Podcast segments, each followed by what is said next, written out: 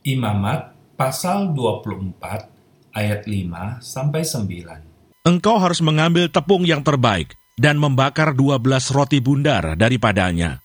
Setiap roti bundar harus dibuat dari 2 per 10 eva. Engkau harus mengaturnya menjadi dua susun, enam buah sesusun, di atas meja dari emas murni itu, di hadapan Tuhan. Engkau harus membubuh kemenyan tulen di atas tiap-tiap susun, Kemenyan itulah yang harus menjadi bagian ingat-ingatan roti itu, yakni suatu korban api-apian bagi Tuhan. Setiap hari Sabat, ia harus tetap mengaturnya di hadapan Tuhan. Itulah dari pihak orang Israel, suatu kewajiban perjanjian untuk selama-lamanya. Roti itu teruntuk bagi Harun serta anak-anaknya, dan mereka harus memakannya di suatu tempat yang kudus. Itulah bagian maha kudus baginya, dari segala korban api-apian Tuhan.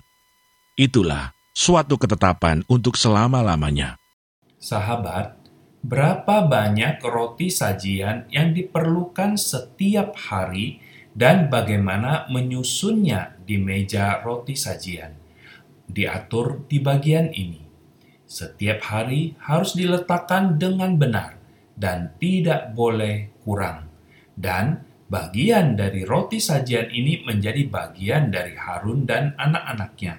Mereka harus memakannya di tempat yang khusus dan kudus.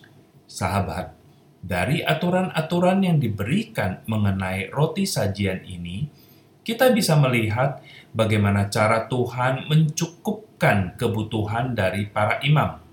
Mereka tidak perlu khawatir akan roti maupun daging, karena setiap hari selalu ada roti dan daging yang baru dan cukup untuk mereka dan keluarga mereka. Dari bagian ini, kembali kita diingatkan untuk tidak khawatir dan takut akan bagaimana kita hidup jika kita melayani Tuhan.